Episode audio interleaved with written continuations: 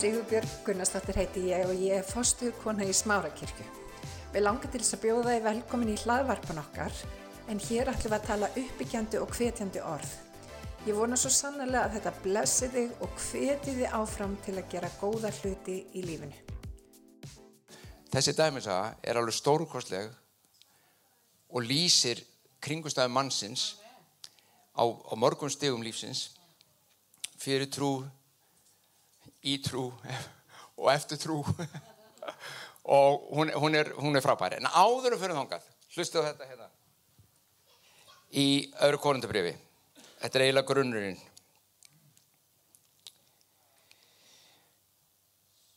Þetta, þetta fyrsta hérna kunniði. Ef einhver er í kristir en skapaður og ný, þegar gamla var það engur sem nýttur eru til, þetta, þetta, þetta er hérna á svona AA samkomi fundum eða á samkomi United og öðrum slíkum eða eitthvað kemur um vitninsbörð, þá er ég heiti Haldur Lársson, ég er í sköpunni Kristi, það er verið að vitni í þetta vers. Hlustið svo framhaldið. Því, áhver er ég ný sköpunni Kristi, áhverju er þetta allt orðið nýtt? Því, af því að, sagt, það var Guð sem í Kristi sætti heiminn við sig er hann tilreiknaði þeim ekki ábyrð þeirra og fól og svo bóða orð sáttagjörðarinnar. Það var Guð sem sætti heiminn við sig. En vestu, vesti bóðskapur sem Kristin Kirkja hefur látið frá sér um aldir þess vegna er að Guð sé ekki góður Guð nema við þá sem eru heilægir. Þeir sem standa sig vel, þeir sem eru rosalega flingir og eru alltaf rosalega góðir. Guð elskar þá, sjáðu.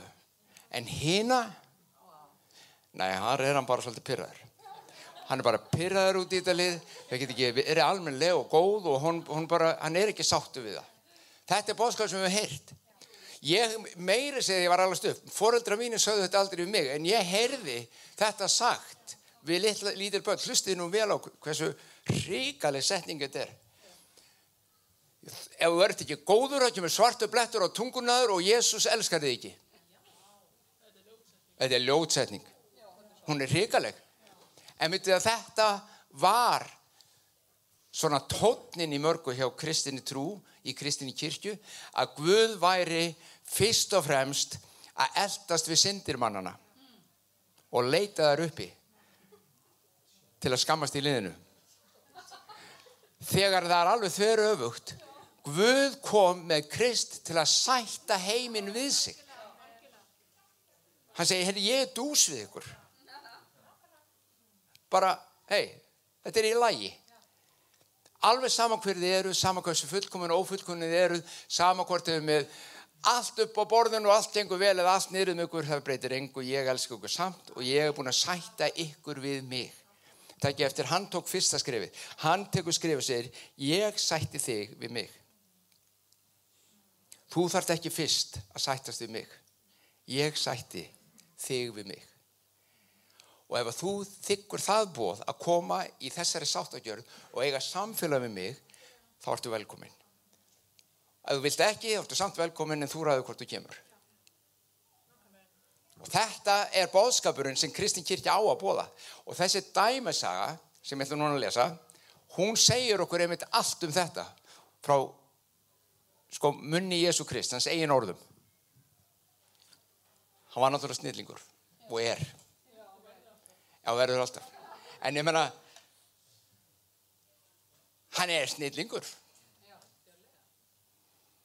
Maður segur eitt? Ef við höfum smá tíma, ekki, jú fyrir mörgum ánum síðan þá hlustaði ég á, var í Sviss og ég hlustaði á trúabræðafræðing sem var, hann var gíðingur og hann var búin að vera Hann sagði ég var búin að læra öll trúabröð heimsins og alla isma og þisma og vosma og isma og hvað þetta var sem var hægt að læra og ég bara, ég, ég var búin að kafi í þetta og ég leita sannleikanum.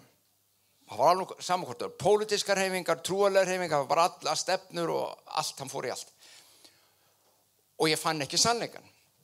Svo ég ákvað lóksins að lesa nokkuð sem ég hefði aldrei lesið áður það var Nýja testamentið Gamla testamentið hann að lesi því að hann er gýðingur, en nýja testamentið. Hann sagði, nú ætlum ég að lesa það og svo las hann nýja testamentið og hann lýsir þessu nákvæmlega svona.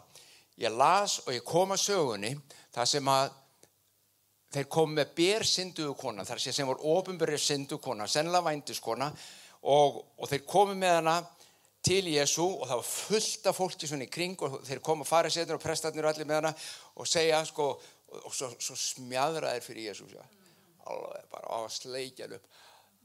Rabbi meistari þú veist, kallaða meistara, þeim fannst hann engi meistari sko.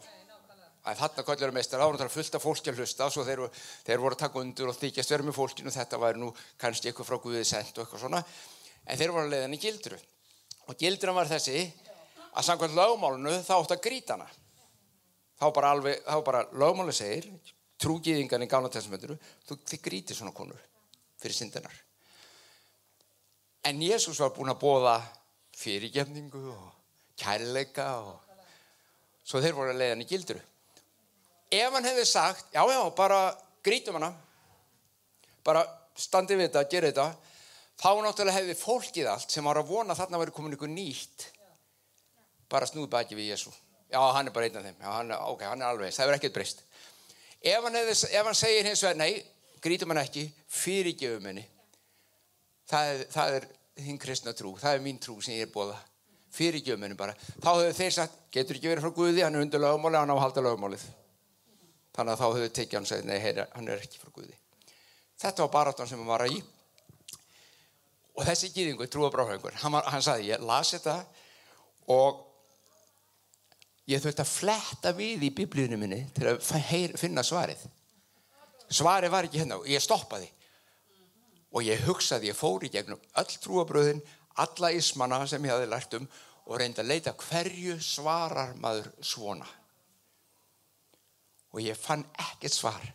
Og ég var viss um það að nú var ég búin að ná honum og þar með væri kristn trú út um myndinni ég get ekki trú að því og fyllt í hann flettir við sáiðar sem syndlusir kasti fyrsta steininu ég bara, nú fæ ég ekki að þessu og gas. Þetta er snild. Ég meina, þetta er snild. Ok, við skulum að gríta hana með öðrum orðum. Sá ykkar sem aldrei hefur syngað að gera snittrakt, hann byrjar. Hann kasta fyrsta steininum. Og þeir sleftu steininum og gengi burtu. Af því þeir vissu náttúrulega þeir voru ekki syndlusi frekar en hún. Þannig að og þá Svo þegar, þegar, þegar allir voru farnir þá rís, rís hann og fætur, hann var svona hnjánum og, og hann segi hvert fór allir, það þú ekki að dæmi mig, segir, segir hún, það dæmdi mig enginn, vilt þú ekki? Hann segir nei, ég dæmið ekki, far þú til fyrirgefið þess syndga ekki framar. Og í krafti þess kemur frelsi og lausnin. Þessi trúabrafringur út af þennar snillingu, þetta snildasvar Hann trúði ekkert fram á þessu að Jésús væri eitthvað tengdu Guði, sko, hann. En hann var kristin eftir þetta. Þetta snýr honum svona og hann fór að kafa og hann fekk að kynast Guði. Kristur er stórkonsluður. Og svo sagði hann þessa dæmisögu, hlusti nú vel á, þessa þekk ég líka. Maður nokkur áttu tvo sónu. Ég ætla að lesa hana fyrst. Sá yngri þeirra sagði við föður sinn, faði lát mig fá þann hluta eignana sem ég ber og hann stifti með sér eignum sínum. Stifti með þeim eignum sínum. Fáumdu síðar tók yngri sonun allt fésitt og fór burt í fjarlalland þar sóaði hann eigum sínum í óhófsumum lifnaði. Er hann er hann hafði eitt, öllu eitt var mikið hungur í því landi og hann tók að líða skort. Fór hann þá og settist upp á manni einum í því landi. Sá sendi hann út á lendar sínar að gæta svína. Þá langaði hann að segja sig á drafun er svínin áttu en enginn gaf honum Nú kom hann til sjálfsins og sagði hver margir eru dagluna menn föðumins og hafa gnæðu matar en ég ferst hér úr hungri. Nú tek ég mig upp og fer til föðumins og segi við hann fadir ég hef synga á móti himnunum og gegn þér. Ég er ekki fram að verðu þess að heita svonu þinn lát mig vera sem einn af dagluna mennum þínu. Sagan er lengri, ég ætla að stoppa þess hérna. Setum okkur í sér spór. Bara ímyndum okkur þetta sé bara hérna gerast í kringum okkur. Það er fadir sem á tvo stráka Þetta, hann er ríkur sjáðu. þetta er ekki bara svona eitthvað 5.000 kallar sem hann átti til, í arfyrir þá, hann var með auðæfi, hann með landaregnir, hann með dýr, hann var með vinnumenn, hann með daglunamenn, fullt af mönnum í vinnu hjá honum. Svo kemur yngri guttinn og hann segir, heyri babi, ég vil bara fá minn stjærfa arfinum núna.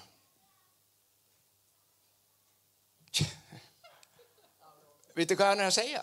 Og sérstaklega, í dag myndum við jafnvel tólkaða þannig, en sérstaklega þarna þessum tíma. Með öðrum mórnum að segja, pabbi, ég vildi verið döður, getur þú borgað mér? Já, hann bara, þú veist.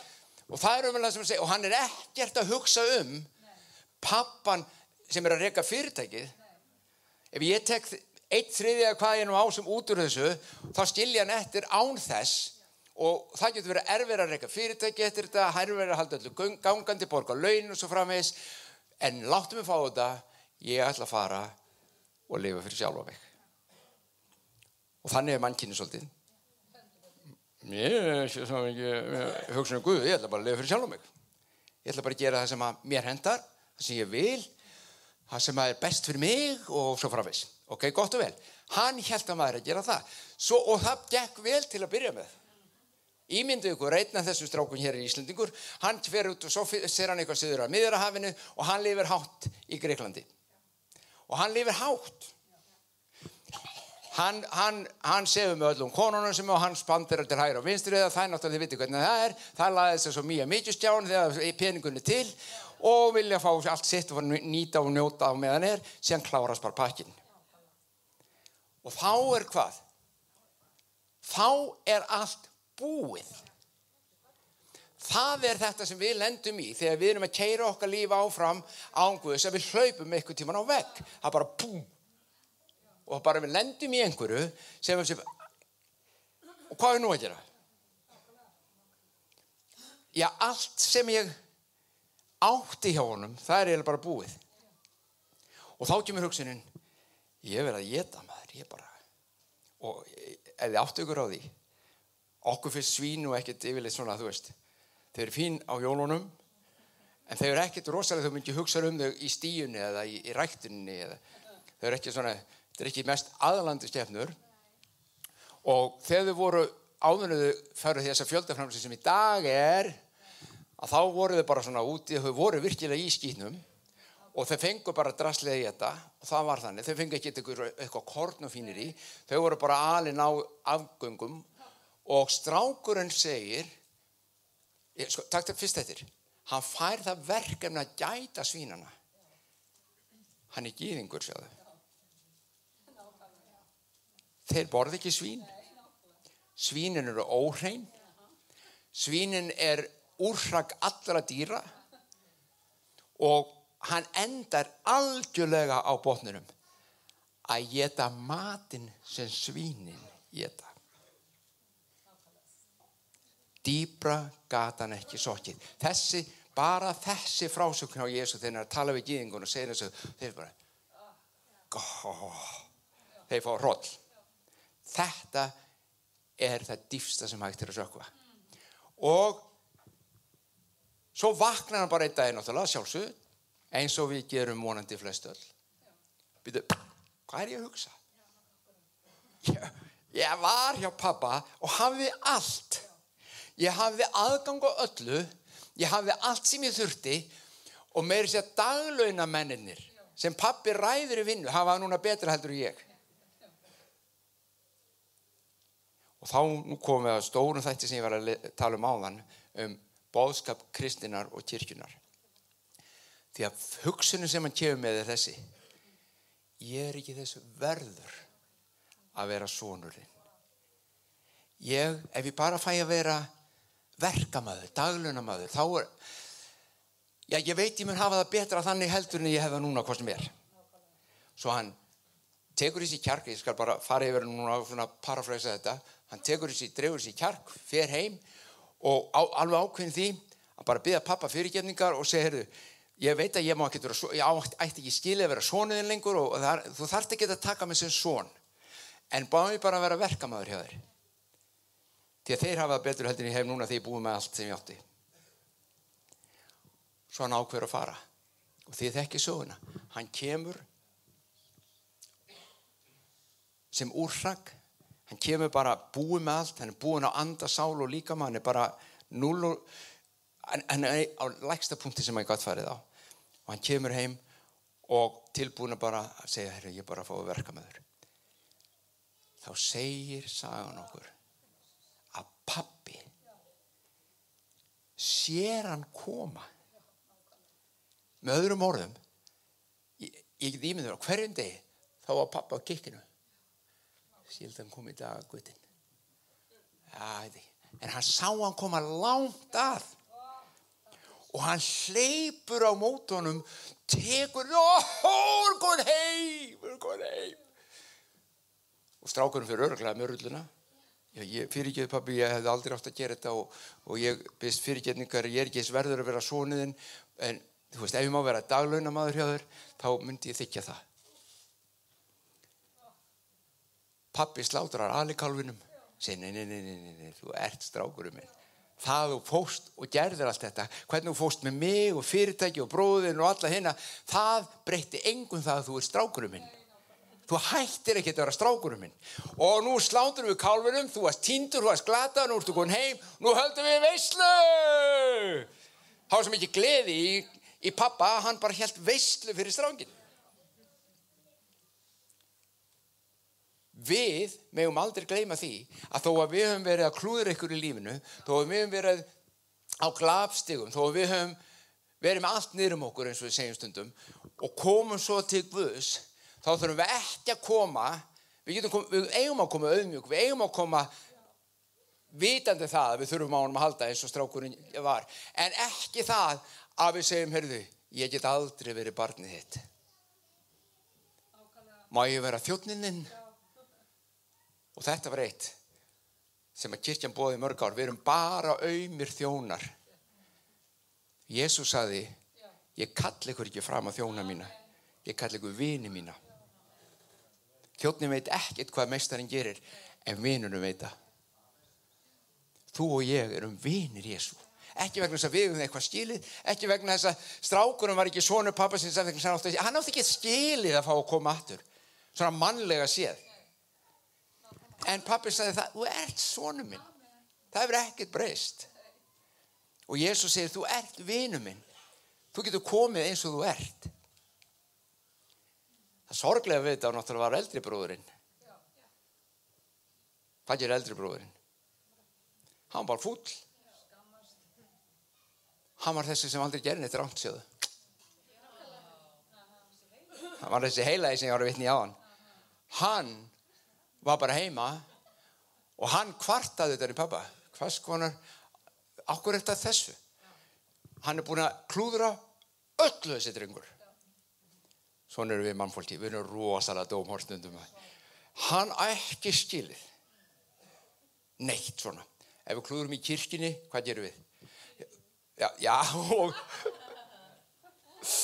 ó það er svo rétt. En ég segja hvernig og ég að segja hvernig hefur verið. Það hefur verið fyrirgefið svo, já, þú far ekki að þjóna í þessari kirkju næstu tvö ár. Þú sést á aftastabökk þú ætti ekki að skilja verið hérna frammi það er kannski ekki sagt svona en það er svona ætlast til þess Ég er ekki að grínast og þið sem eru eldri trúni, eldri en tvævetra, þið vitið þetta satt. Já, í stað fyrir hei! Sko, sjá, sjáum við hvað þetta er fáránlegt. Nú ætlum ég bara að benda ykkur á hvað þessi afstæð er algjörlega fáránleg.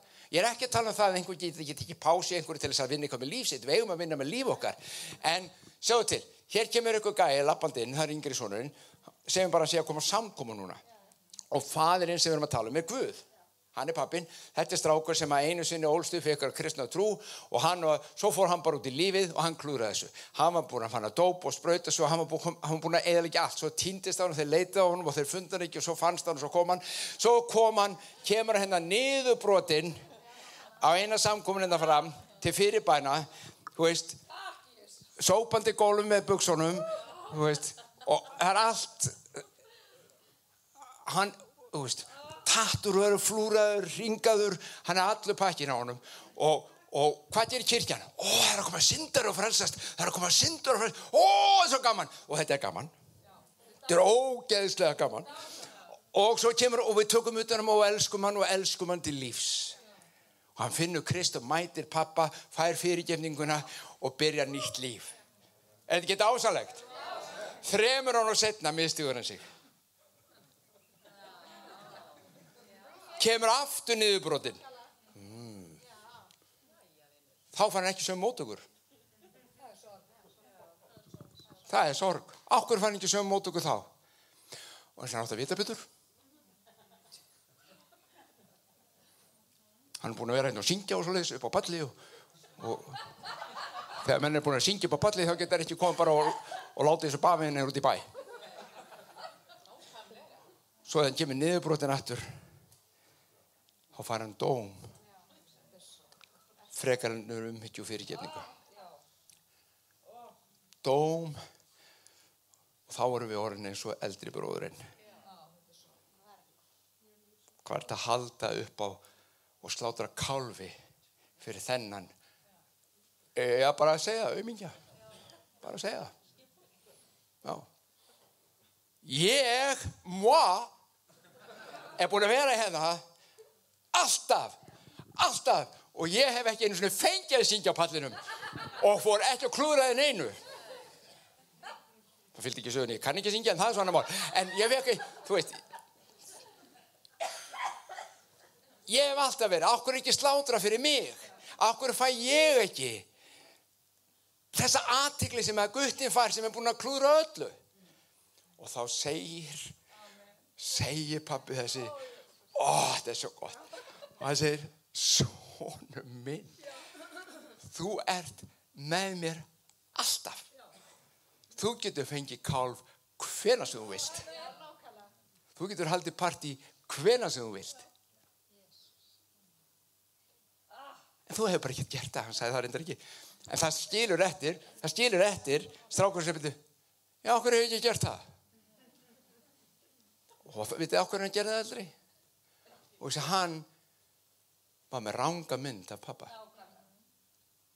hann held ekki að vera pappi væri hann þekkti ekki pappa eins og hann sá hann við ungastrákin, yngri-strákin hann held að hann veri strángur, hann mætti ekki neitt það bara var hlýð og hann sagði reynda guttin, þessi eldri, hann sagði ég er búin að vera hlýðin þér og þjóna þér og það er ákvarðat vandamálið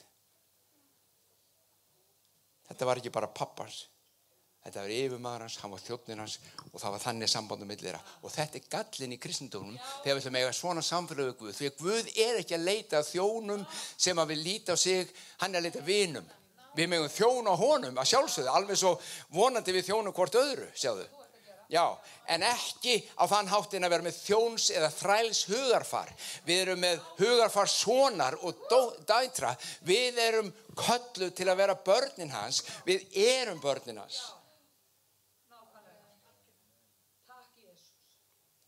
og þegar við vitum hann og þekkjum hann eins og hann er þá byrja lífið en ég skil vel að þessi fjöldi manna sem hefur lítið áhuga á að koma til þess Guðs sem er svo strángur að pyrraður og er alltaf eitthvað að skamast í þeim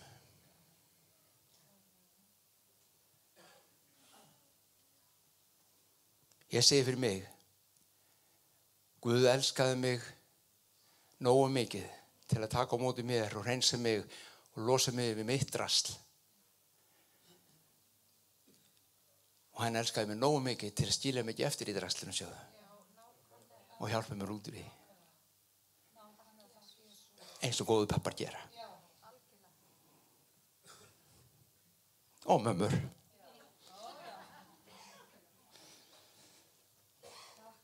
Við skulum byggja. Fæðum við þökkum fyrir þessi stórkoslega orði biblíinni og þessi, þessa dæmisögu þína og þökkum fyrir að í dag eru við í þessari stöðu. Sama hvar við erum, sama hver bakgrunnur okkar er, sama hvaðan við komum, hvert við erum að fara. Í dag eru við í þessari stöðu. Að þú hefur sætt heimi við þig þú er sætt heimi við þig þar af leiðandi hefur þú sætt okkur við þig og við getum komið til þín og meðtikið þetta verk þitt að því að þú ert fadir okkar, þú ert papp okkar. Þú ert ekki bara húsbóndi og herra þú sért vissulega drottin. En þú ert okkar vinur því þú gert okkur að vinum þínum. Og við þökkum þau drottin fyrir þessa náð og þessa miskun